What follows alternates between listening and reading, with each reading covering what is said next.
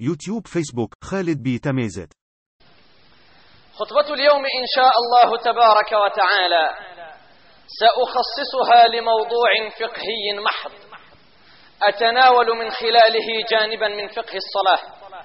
هذا الجانب الذي أشكل ويشكل على كثير من المسلمين. حتى وصل الأمر بسبب الإشكال الذي يقع في هذا الجانب الفقهي من فقه الصلاة وصل الأمر بكثير من المسلمين. وللأسف إلى حد الإساءة إلى حد إساءة الأدب مع الله جل وعلا. على مرأى ومسمع من الله جل وعلا نسيء الأدب معه في بيته برفع الأصوات في بيوت الله جل وعلا. وهذه غاية إساءة الأدب مع الله تبارك وتعالى. أيها الأحبة في الله خطبتي اليوم إن شاء الله تبارك وتعالى عن فقه الجمع بين الصلاتين. والسبب الذي دفعني لتناول هذا الموضوع والسبب الذي جعلني أتكلم في هذا الموضوع هو الذي أو هو كثرة ما نراه في مساجدنا ونسمعه من مشاكل وخلافات في بيوت الله جل وعلا كلما تقرر الجمع بين صلاتين. هذا الموضوع الذي غسيور انشار نار إن شاء الله تبارك وتعالى. ألا وهو الجمع بين الصلاتين. ميمية. لأنه مما إن الإمام. أو اتفقت اللجنة مع إمام المسجد أنه نجمع جار. جار صلاتين إلا توقع البلبلة ذي المسجد. وش هذا؟ يوقع هذا. حد يقار ما يمي غنجمع. حد يقار سيدي ما يمي. حد يقار نجمع خير حد يقار ونجمع شيء حد لا إله إلا الله. لذلك أيها الأحبة في الله قبل أن أدخل في هذا الموضوع أؤصل لكم أصلين هامين جدا. أولهما أن الذي يدير أمور المسجد هو الإمام. والنبي صلى الله عليه وسلم يقول إنما جعل الإمام ليؤتم به. الإمام إيسو يورن الأمور من المسجد. وهذا التسخشان الشرسيني غير فقيه ما يمي غنجمع. أسيدي ما يمي غنجمع. ما غميا زانر لا إله إلا الله. ماذا تعلم عن فقه الجمع بين الصلاتين؟ باش تثبت نقش الإمام. الإمام انتيسو يرن المسجد. نشنا المأمومون ما علينا إلا الاتباع. كثرة البلبلة في المسجد لا تجوز. رفع الأصوات في المسجد لا يجوز. لأنه إساءة أدب مع الله عز وجل في بيته. النبي صلى الله عليه وسلم قال إنما جعل الإمام ليؤتم به. الشنا نتبع الإمام. من يقى الإمام ذو ننتا من غين ذو ننتا يقرر نجمع نجمع سيدي سمعا وطاعة. لأنه هو الأعلم بفقه الصلاة وهو الأعلم بفقه الجمع وهو الذي يتحمل مسؤولية الجماعة في الدنيا وبين يدي الله جل وعلا. هذا الأصل الأول. أما الأصل الثاني أيها الأحبة في الله وهو السبب الذي جعلنا نتعالى في أصواتنا في بيوت الله جل وعلا. عما زوان سين من نغي جنر من صغيره مزيداوين من نغي جنر من سعر الصوت نغي المساجد. من نغي جنر من وضد المخالفية. زي بدع المساجد والمنهيات عنها وهي رفع الصوت في المسجد. أعتقد والله أعلم وأنا لي اليقين أنه ما من سبب يدفعنا إلى أن نسيء الأدب مع خالقنا في بيته إلا الجهل وعدم العلم. لماذا أيها الأحبة في الله؟ لأنني أكاد أجزم أنه لو كان لنا زاد من العلم وخصوصا العلم الشرعي وخصوصا فقه العبادات معليك غنغتو غايجن النسبة تمزيان في فقه العبادات. ما مش غنقان الزج ما مش غنقان زوم مش غنقان الصلاة من ديوسين ديال القضية مجمع من ديوسين ديال القضية تحية المسجد من ديوسين ديال القضية الإتمام من ديوسين ديال القضية القضاء من ديوسين من ديوسين المسائل الفقهية. معليك غانغ إجن الجانب إجن الزاد من العلم في فقه العبادات. إيريوانتي وشنا رفع الأصوات من المساجد. ولله در القائل إذ يقول لو سكت الذي لا يعلم لارتاحت الأمة. كان علي بن أبي طالب رضي الله عنه وأرضاه يقول دائما العلم نقطة كثرها الجاهلون. العلم ديجنا النقطة سهلة المنال ضيت كثير ولكن كلام الجاهل وكلام الذي لا يعلم وفقه أو الفتاوى السريعة في تخريب الشريعة كما أسميها دين إذا غيتجن لابد يخصد هذا الخلافة الفقهية لابد يخصد الكاذ من العلماء مارة وتختصر البخ الراجح من أقوال العلماء. وكثير من هذا أنتم تعلمه تعلمونه وما, وما خفي كان أعظم. لذلك أيها الأحبة في الله أؤصل لكم الأصل الثاني وأقول أن الله تعالى يعبد عن علم ولا يعبد عن جهل. ثاني تخسغان خيريش مسخور الله عز وجل يعبد عن علم ولا يعبد عن جهل. مش مرة وسيغد الزج غيخسد السنغ من عن السنة بالصلاة. ما مش يمر ربي عز وجل جبريل عليه السلام. هذا سديستو الصلاة النبي صلى الله عليه وسلم. أتعلم فقه الصلاة. خسغ الزمغ أتعلم فقه الصيام. أضح الحج أتعلم فقه الحج. وجبوا من الجني مسر من دون التوها وجبوا من الجني وذن دون التوها مرني هنا وذن دي البدع عد الشركية ترشك هذا التوضيب لا أيها الأحبة في الله. رب عز وجل يعبد عن علم. لذلك الإمام أو الله عز وجل يؤصل أو يقرر هذا الأصل في كتابه حينما نادى النبي صلى الله عليه وسلم من فوق سبع سماوات فقال له فاعلم أنه لا إله إلا الله واستغفر لذنبك وللمؤمنين.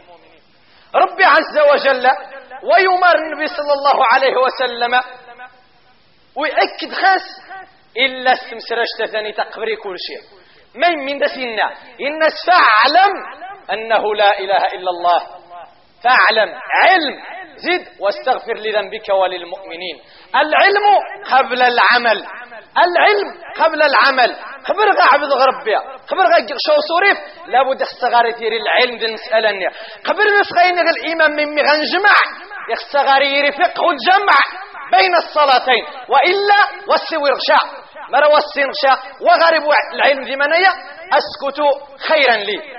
الإمام البخاري رحمه الله أخذ هذه الآية وبوب لها في كتاب العلم في المجلد الأول, الأول من صحيحه بوب بابا سماه باب العلم قبل القول والعمل.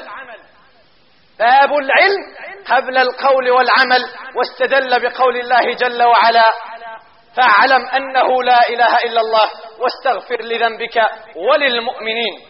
ثم أشار بكلمة قالها عقب هذه الآية فقال الإمام البخاري رحمه الله فبدأ بالعلم يعني أن الله عز وجل بدأ بالعلم ثم ثنى بالعمل وهو الاستغفار الذي أمر به النبي صلى الله عليه وآله وسلم.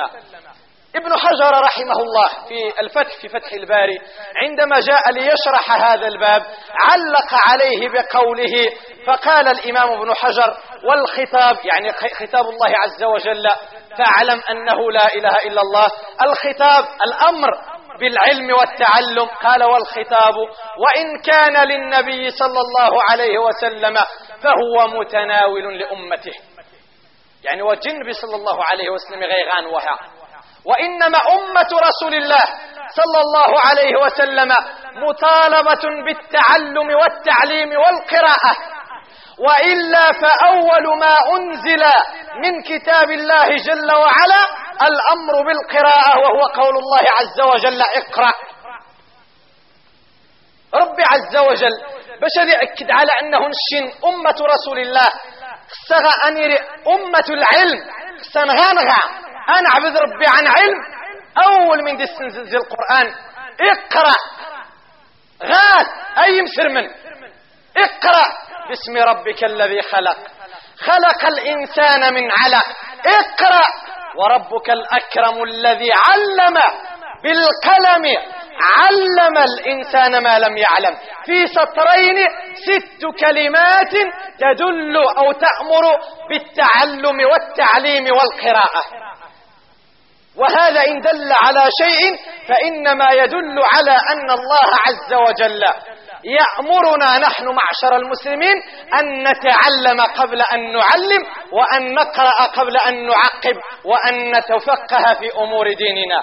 لذلك يقول أئمتنا العلماء من المفسرين في تفسيرهم لهذه الصورة قالوا وبدأت الصورة بالدعوة إلى القراءة والتعلم وختمت بالصلاة والعبادة. من دا يسلك مزوان الصورة؟ اقرأ يغون الجار كلا لا تطعه واسجد واقترب. من زي تبدا أمر بالتعلم والقراءة وتختم أمر بالصلاة والعبادة. كأن الله عز وجل يقول لنا يا أمة رسول الله تعلموا في الأول ثم صلوا صلاة تعلمتموها من نبيكم. ليتناسق البدء مع الختام. لذلك أيها الأحبة في الله لما كان شأن التعلم عظيما. النبي صلى الله عليه وسلم أعطى للمتعلم والذي يريد أن يتفقه في دينه ليعبد الله عن بصيرة.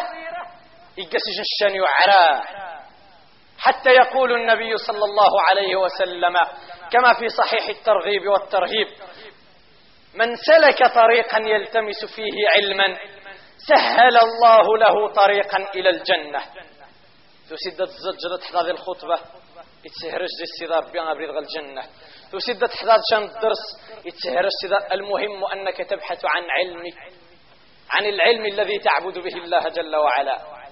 ثم يقرب النبي صلى الله عليه وسلم واختاف الفضل وإن الملائكة لتضع أجنحتها رضا لطالب العلم. وإن طالب العلم يستغفر له من في السماء والأرض حتى الحيتان في الماء. وإن فضل العالم على العابد كفضل القمر على سائر الكواكب. إجني عبد ربي عن علم. وجبوا شنو إجني عبد ربي قيوعي وها إجني تزجى السن من ديوين النبي الصلاة. وجبوا شنو إجني الناس بس زجوها لذلك المسلم يتفقه في أمور عباداته. وأفتح قوسا لأصحح بعض الأخطاء في قضية العلم قبل العمل. حديثين يتداولهما الناس وهو لعالم أشد على الشيطان من ألف عابد. يش حديث ونت متداول. لعالم أشد على الشيطان من ألف عابد هذا حديث ضعيف. لم تصح له رواية. والحديث الآخر نوم العالم خير من عبادة العابد وهذا حديث موضوع مكذوب عن رسول الله. والضعيف من هذه الرواية وردت بصيغة الصائم وليس العابد. نوم الصائم خير من عبادة العابد. وهذه رواية ضعيفة. أما رواية الرواية الأخرى فهي موضوعة مكذوبة عن رسول الله صلى الله عليه وسلم. رب العزة جل جلاله أمر بالتعلم فقال اقرأ ثم أشار في هذه الآيات إلى وسيلة القراءة ألا وهي القلم دون غيرها. مما لم يشر إلى الورقة. ولا إلى الكتاب ولا إلى الصحيفة ولا إلى التعلم الشفوي وأشار إلى القلم وقف أهل العلم عند قضية القلم. لماذا أشار الله عز وجل بالقلم؟ قالوا لأن القلم كان وما زال أوسع وأعمق أدوات التعليم أثرا في حياة الإنسان. ويقول الإمام القرطبي رحمه الله في تفسيره لهذه السورة قال ما دو وما دونت العلوم ولا قيدت الحكم ولا ضبطت أخبار الأولين ومقالاتهم ولا كتب الله المنزلة إلا بالكتابة ولولاها ما استقامت أمور الدنيا والدين. لولا القلم مريوا دي قاب بستيلو من زدان تغيوض القرآن. من زدان تغيوض حديث رسول الله. من زدان تغيوض السنة النبي صلى الله عليه وسلم. من زدان تغيوض الأقوال السلف الصالح. من زدان سنشين الأمور الدين الدنيا لذلك يقول أهل العلم القلم ثلاثة أو الأقلام ثلاثة. الأقلام ثلاثة أنواع. القلم الذي خلقه الله عز وجل والذي كتب في اللوح المحفوظ ما هو كائن إلى يوم القيامة. والقلم الثاني قلم أو أقلام الملائكة التي تخط به ثواب وأجر وسيئات وأعمال المكلفين من العباد. والقلم الثالث هو القلم المتداول بين الناس الذي يستعملونه في حاجاتهم. أيها الأحبة في الله من ميكي مدخل ونتا قال أنه لابد حسن غشينا غا قبير غنبدا غنعقب لأنه الطاس لقضية الجمع بين الصلاتين غرضين الإمام. قنجمع شتي حدي السجة ثوات. حدي السجة ركازية. ميمي قواجبو ينزا ميمي غنجمع سيديا ميمي غنجمع قواجبو ينزا منو ميحرو جمع؟ لحد قرن جمع. حد قروان جمع. أيها الأحبة في الله. وإذا نغينا إلا الجمع يسدي ونزاوه. نسن منو مدي يسو جمع هل نتفقه في فقه الجمع بين الصلاتين لنعلم ما يجمع له وما لا يجمع؟ في الصحيحين باش الإنسان أغسير شوين الوعي ويتغمي بو يتقل فتنة ذي المسجد من وها ويستجابو زير كازي ورزي هو. إنش الإمام انجمع وانجمع النبي صلى الله عليه وسلم كما ثبت عنه في الصحيحين وفي موطأ الإمام مالك عن ابن عباس رضي الله عنهما قال جمع رسول الله صلى الله عليه وسلم بين الظهر والعصر والمغرب والعشاء بالمدينة في غير خوف ولا مطر. هكا يثبت النبي صلى الله عليه وسلم يجمع تغواجبون في غير خوف ولا مطر لأنه يجوز الجمع أثناء الخوف وأثناء المطر. النبي يثبت خاص أنه يجمع وتغبونزا لذلك هذا ما اقتصر عليه الإمام مالك في موطئه. أما رواية الصحيحين فيها إضافة وزيادة عندما سئل ابن عباس لماذا فعل النبي صلى الله عليه وسلم ذلك؟ قال أراد ألا يحرج أحدا من أمته. لذلك يقول شيخ الإسلام بن تيمية رحمه الله رحمة واسعة. يمسكسن ما يجوز أنجمع مر إشن حشن نغنم بريان زاني غون زاوها؟ قال يجوز الجمع بين العشاءين للمطر والريح الشديد الباردة والوحل الشديد. وهذا أصح قولي العلماء وهو ظاهر مذهب الإمام أحمد والإمام مالك وغيرهما رحمهم الله أجمعين. بل سئل في مكان آخر من كتابه الفتاوى فأجاب يجوز الجمع للوحل الشديد والريح الشديدة الباردة في الليلة الظلماء ونحو ذلك وإن لم يكن المطر نازلا في أصح قولي العلماء. أديك كاشان يجدنا لين الشيخ الإسلام ابن تيمية؟ المذهب النسنتا المذهب النسوة جيبوا مالكي الشيخ غارق المذهب المالكي للمغرب. نعم نحن مذهبنا مذهب مالك والإمام مالك يجوز الجمع في البرد الشديد والوحل الشديد والليلة المظلمة. هو من غنينيا. لك وجبونزا. مريسين الحرونزا. الإمام مالك يقول بجواز الجمع. يكسونزا يورو بجعتس يورا ومن وجيم ما يزغكين المشقة. الإمام مالك قال بجواز الجمع. وأوسع المذاهب في قضية الجمع. كما قال شيخ الإسلام ابن تيمية مذهب الإمام أحمد حتى أنه جوز الجمع للطباخ والخباز إذا خيف على إذا خاف على فساد مالهما. لذلك أيها الأحبة في الله يقول أهل العلم مشروعية الجمع بين الصلاتين ليست محصورة في هذين العذرين.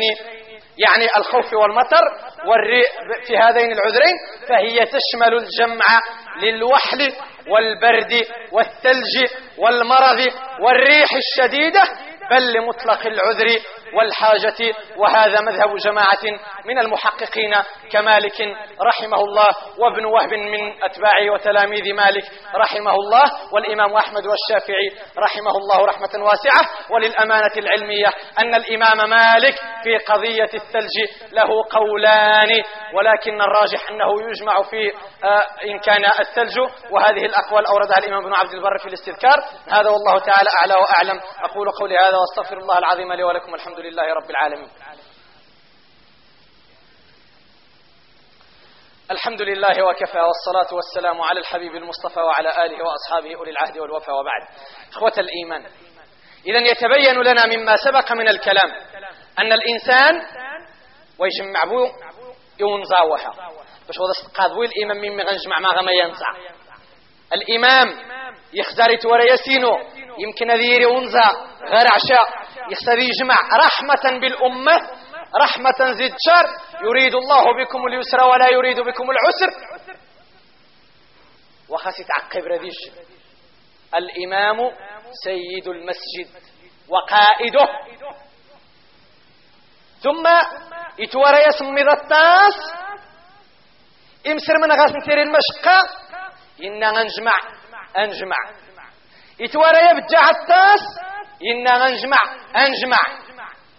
يوران إريما من ومان يمسر من وجه ما يزغكن غاسن المشقة لأن الشنوان خزاب غين يوسن المسجد وها وإنما القاعدة الفقهية تقول أضعف الناس أمير الركب.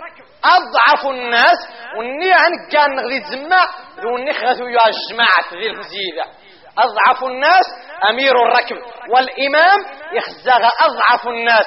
يخزاغ ونيبجن قبري ونيودسن وإلا ما رنكر خزاغ ونيودسن هذا سنين الإمام ويجمع لأنه شكتب غديه مزيدة لا, يح لا يحق لك أن تجمع.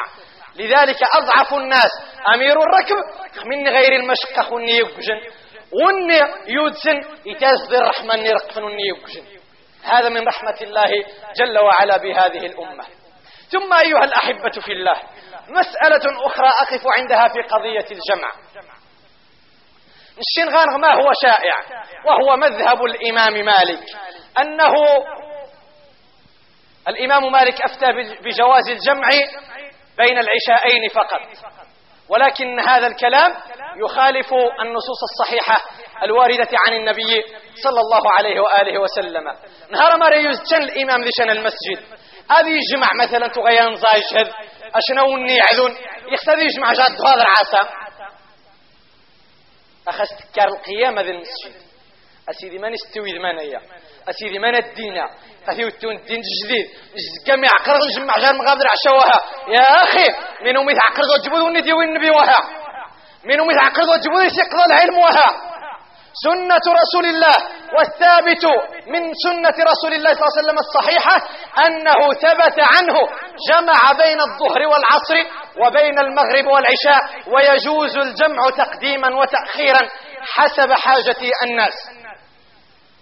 لذلك يقول النبي صلى الله عليه وسلم الحديث مزوار ذي نبذا وهو الذي في الصحيحين وموطأ الإمام مالك وكذلك في مسند الإمام أحمد بسند صحيح يجوز النبي صلى الله عليه وسلم من حديث ابن عباس إن الجمع النبي صلى الله عليه وسلم بين الظهر والعصر. حق حديث صحيح. قد الصحيحين وقد موطأ الإمام مالك وقد في مسند الإمام أحمد بسند صحيح يعني في أعلى درجات الصحة. جمع النبي صلى الله عليه وسلم بين الظهر والعصر والمغرب والعشاء بالمدينة. باش وذيق حدك يمكن تغيصفا بالمدينة ثم يندي قرش في غير خوف ولا مطر. يعني قوله في الم... بالمدينة قرش باللقة غوي صفاشة لأن يجوز للمسافر أن يجمع وسنأتي عليها في الخطبة المقبلة إن شاء الله تعالى. يعني دي أكد في غير خوف ولا مطر يعني وذن تغي ينزى وذن تغي الخوف. ثم حديث آخر رواية أخرى لهذا الحديث كذلك في الصحيحين وفي موطأ الإمام مالك عن ابن عباس رضي الله عنهما قال صلى رسول الله صلى الله عليه وسلم الظهر والعصر جميعا في غير خوف ولا سفر. وفي رواية الموطأ أكد لها الإمام مالك أضاف لها قولا قال أرى ذلك كان في المطر. ومديو الحديث في غير خوف ولا سفر. قال الإمام مالك تعليقا على هذا الحديث أرى ذلك كان في المطر. وهذا تصريح من الإمام مالك على أنه يجوز الجمع بين الظهر والعصر إن كان هناك مطر. وأهل العلم يقولون بالرغم لأن هناك من, من أهل العلم. وهذا للأمانة العلمية حتى لا يؤخذ الكلام ويأخذ الكلام غير مجراه الصحيح للأمانة العلمية. من الأهل العلم من يقول لا يجوز الجمع بين الظهر والعصر ويقيسون ذلك على العشاء على المغرب والعشاء فيقولون أن المشقة المترتبة على على الجمع بين المغرب والعشاء لا تترتب على على الظهر والعصر. قال شقة جار مغادر عشاء الجمعة لأنه تيري الترام تيري تمارا تيري ثين قد هذا العصا فوق يزما بنادم ذي يور يزما إلى آخره وأنت مرا نقيس هذا العصا خير مغادر عشاء وهذا قياس قد أبطله المحققون من أهل العلم لماذا؟ لأن القاعدة الأصولية تقول لا اجتهاد مع النص ويقول أهل العلم إذا ثبت هذا الجمع في حديث ابن عباس السابق فلسنا بحاجة إلى قياس إذ لا اجتهاد في مورد النص كما قرر ذلك الأصوليون للموضوع تتمة. سنتمم الكلام في هذا الموضوع في الجمعة المقبلة ثم نتعرف على الحالات التي يجوز فيها الجمع والصيغة وكيف ذلك وما قاله أهل العلم في ذلك. هذا وأسأل الله عز وجل أن يوفقنا إلى ذلك. اللهم آمين. اللهم اغفر ذنوبنا واستر عيوبنا وتول أمرنا وأحسن خلاصنا وفك أسرنا وتجاوز عن سيئاتنا وأخطائنا يا ربنا. واكفنا ما أهمنا بما شئت وكيف ما شئت برحمتك يا أرحم الراحمين يا رب العالمين. اللهم صل على محمد وعلى آل محمد كما صليت على إبراهيم وعلى آل إبراهيم إنك حميد مجيد. اللهم بارك على محمد وعلى آل محمد كما باركت على إبراهيم وعلى آل إبراهيم إنك حميد مجيد. وارض اللهم عن الخلفاء الراشدين ذوي القدر العلي والفخر الجلي سادتنا أبي بكر وعمر وعثمان وعلي وعن باقي الصحابة والتابعين ومن تبعهم بإحسان إلى يوم الدين. اللهم احشرنا في زمرتهم ولا تخالف بنا عن نهجهم وطريقتهم. يا أكرم مسؤول ويا خير مأمول. أمير المؤمنين الملك محمد السادس. اللهم أره الحق حقا وارزقه اتباعه وأره الباطل باطلا وارزقه اجتنابه. واجعله اللهم من الراشدين. اللهم اجعله في خير البلاد والعباد. واجعله عونا على الحق وضدا على الفساد. اللهم اجعله رحمة على المؤمنين وبالا وسخطا على الفاسقين الفاجرين. اللهم اجعله بردا وسلاما على المؤمنين المتقين. واجعله نارا تلظى على الطغاة والجبابرة أجمعين. يا ذا الجلال والإكرام. اللهم انصر الإسلام والمسلمين. وأذل اللهم الشرك والمشركين. ودمر أعداءك أعداء الدين. واجعل هذا البلد آمنا مطمئنا وسائر بلاد المسلمين. يا رب العالمين. إجنا الأخت تسألكم الدعاء لها بالشفاء أتجن العملية جراحية نسأل الله عز وجل أن يشفيها. اللهم اشفها وعافها. اللهم اشفها وعافها. اللهم اشفها وعافها. اللهم شافها بشفائك وداوها بدوائك. يا ذا الجلال والإكرام. اللهم يا رب أعدها إلى بيتها سالمة من كل شر وبلاء. يا ذا الجلال والإكرام. واجعل ما ألما بها طهورا في سبيلك. إنك ولي ذلك والقادر عليه. ثم أسأل الله عز وجل أن يرزق شبابنا زوجات صالحات. اللهم زوج شبابنا من زوجات صالحات. اللهم زوج شبابنا من زوجات صالحات. إني أعزم إن شاء الله خير بس الله عز وجل أن ييسر أمورهم. اللهم يسر أمورهم. اللهم يسر أمورهم. اللهم زوج بنات المسلمين من المتقين. اللهم زوج بنات المسلمين من المتقين. اللهم زوج بنات المسلمين ممن يعاشرهن بالمعروف. يا ذا الجلال والإكرام. اللهم أصلح نساءنا. اللهم أصلح نساءنا ونساء المسلمين أجمعين. اللهم أصلح نساءنا ونساء المسلمين أجمعين. وأصلح علماءنا وولاة أمورنا. يا ذا الجلال والإكرام. اللهم من ولي أمرا في هذه البلاد. اللهم يا رب ونغجشن الوظيفة شن الكواسي وعراني غيوذا. نسأل الله عز وجل أن يستعملهم في طاعته. اللهم استعملنا وإياهم في طاعتك. اللهم استعملنا وإياهم في طاعتك. اللهم استعملنا وإياهم في طاعتك. اللهم اجعلهم في خير البلاد والعباد. واجعلهم عونا على الحق وضدا على الفساد. هذا وأسأل الله عز وجل أن يجعل ما قلته ذخرا لوالدي وأن يثقل به ميزان حسنات والدتي. إنه ولي ذلك والقادر عليه. وصل اللهم وسلم وبارك على الحبيب محمد وأقم الصلاة.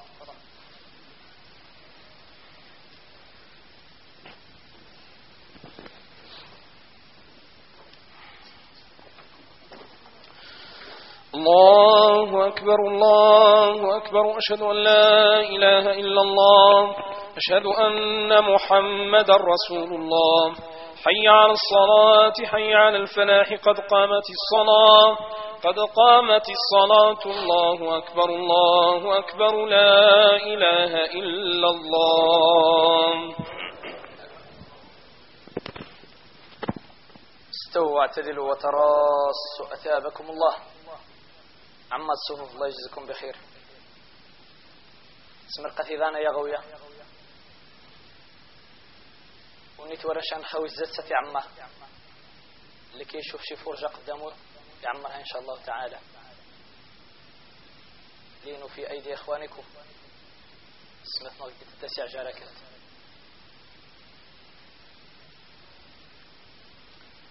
الله أكبر.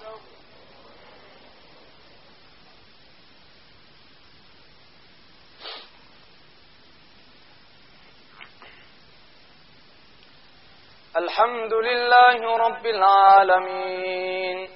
الرحمن الرحيم. ملك يوم الدين. إياك نعبد وإياك نستعين. اهدنا الصراط المستقيم. صراط الذين أنعمت عليهم غير المغضوب عليهم ولا الضالين. آمين.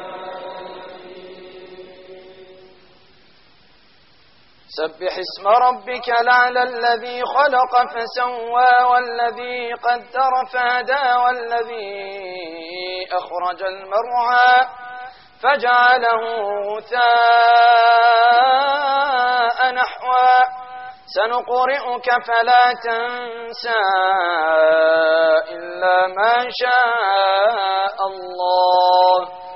إنه يعلم الجهر وما يخفى ونيسرك لليسرى. فذكر النفعة الذكرى. سيذكر من يخشى ويتجنبها الأشقى الذي يصلى النار الكبرى. ثم لا يموت فيها ولا يحيا. قد افلح من تزكى وذكر اسم ربه فصلى. بل توثرون الحياة الدنيا والآخرة خير وأبقى.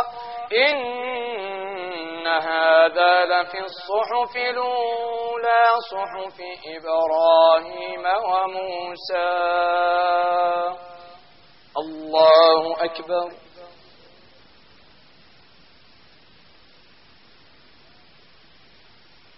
سمع الله لمن حمده. الله أكبر.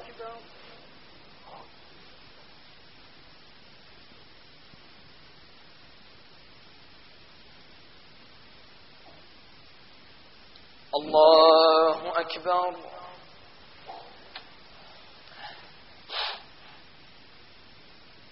الله أكبر.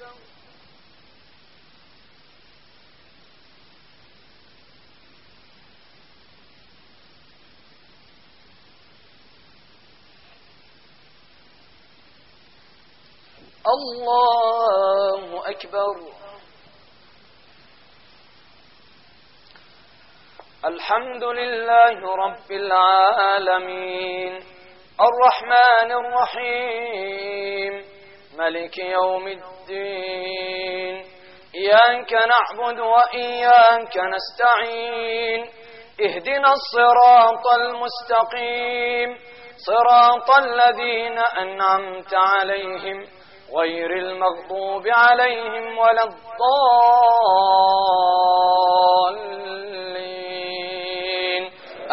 آمين. هل أتاك حديث الغاشية؟ وجوه يومئذ خاشعة عاملة ناصبة تصلى نارا حامية تسقى من عين آنية ليس لهم طعام إلا من ضريع. لا يسمن ولا يغني من جوع. وجوه يومئذ ناعمة لسعيها راضية. في جنة عالية لا تسمع فيها لاوية. فيها عين جارية. فيها سرر مرفوعة وأكواب موضوعة ونمارق مصفوفة وزرابي مبثوثة. أفلا ينظرون إلى الإبل كيف خلقت وإلى السماء كيف رفعت وإلى الجبال كيف نصبت وإلى الأرض كيف سطحت فذكر إنما أنت مذكر لست عليهم بمسيطر إلا من تولى وكفر فيعذبه الله فيعذبه الله العذاب الأكبر. إن إلينا إيابهم ثم إن علينا حسابهم. الله أكبر.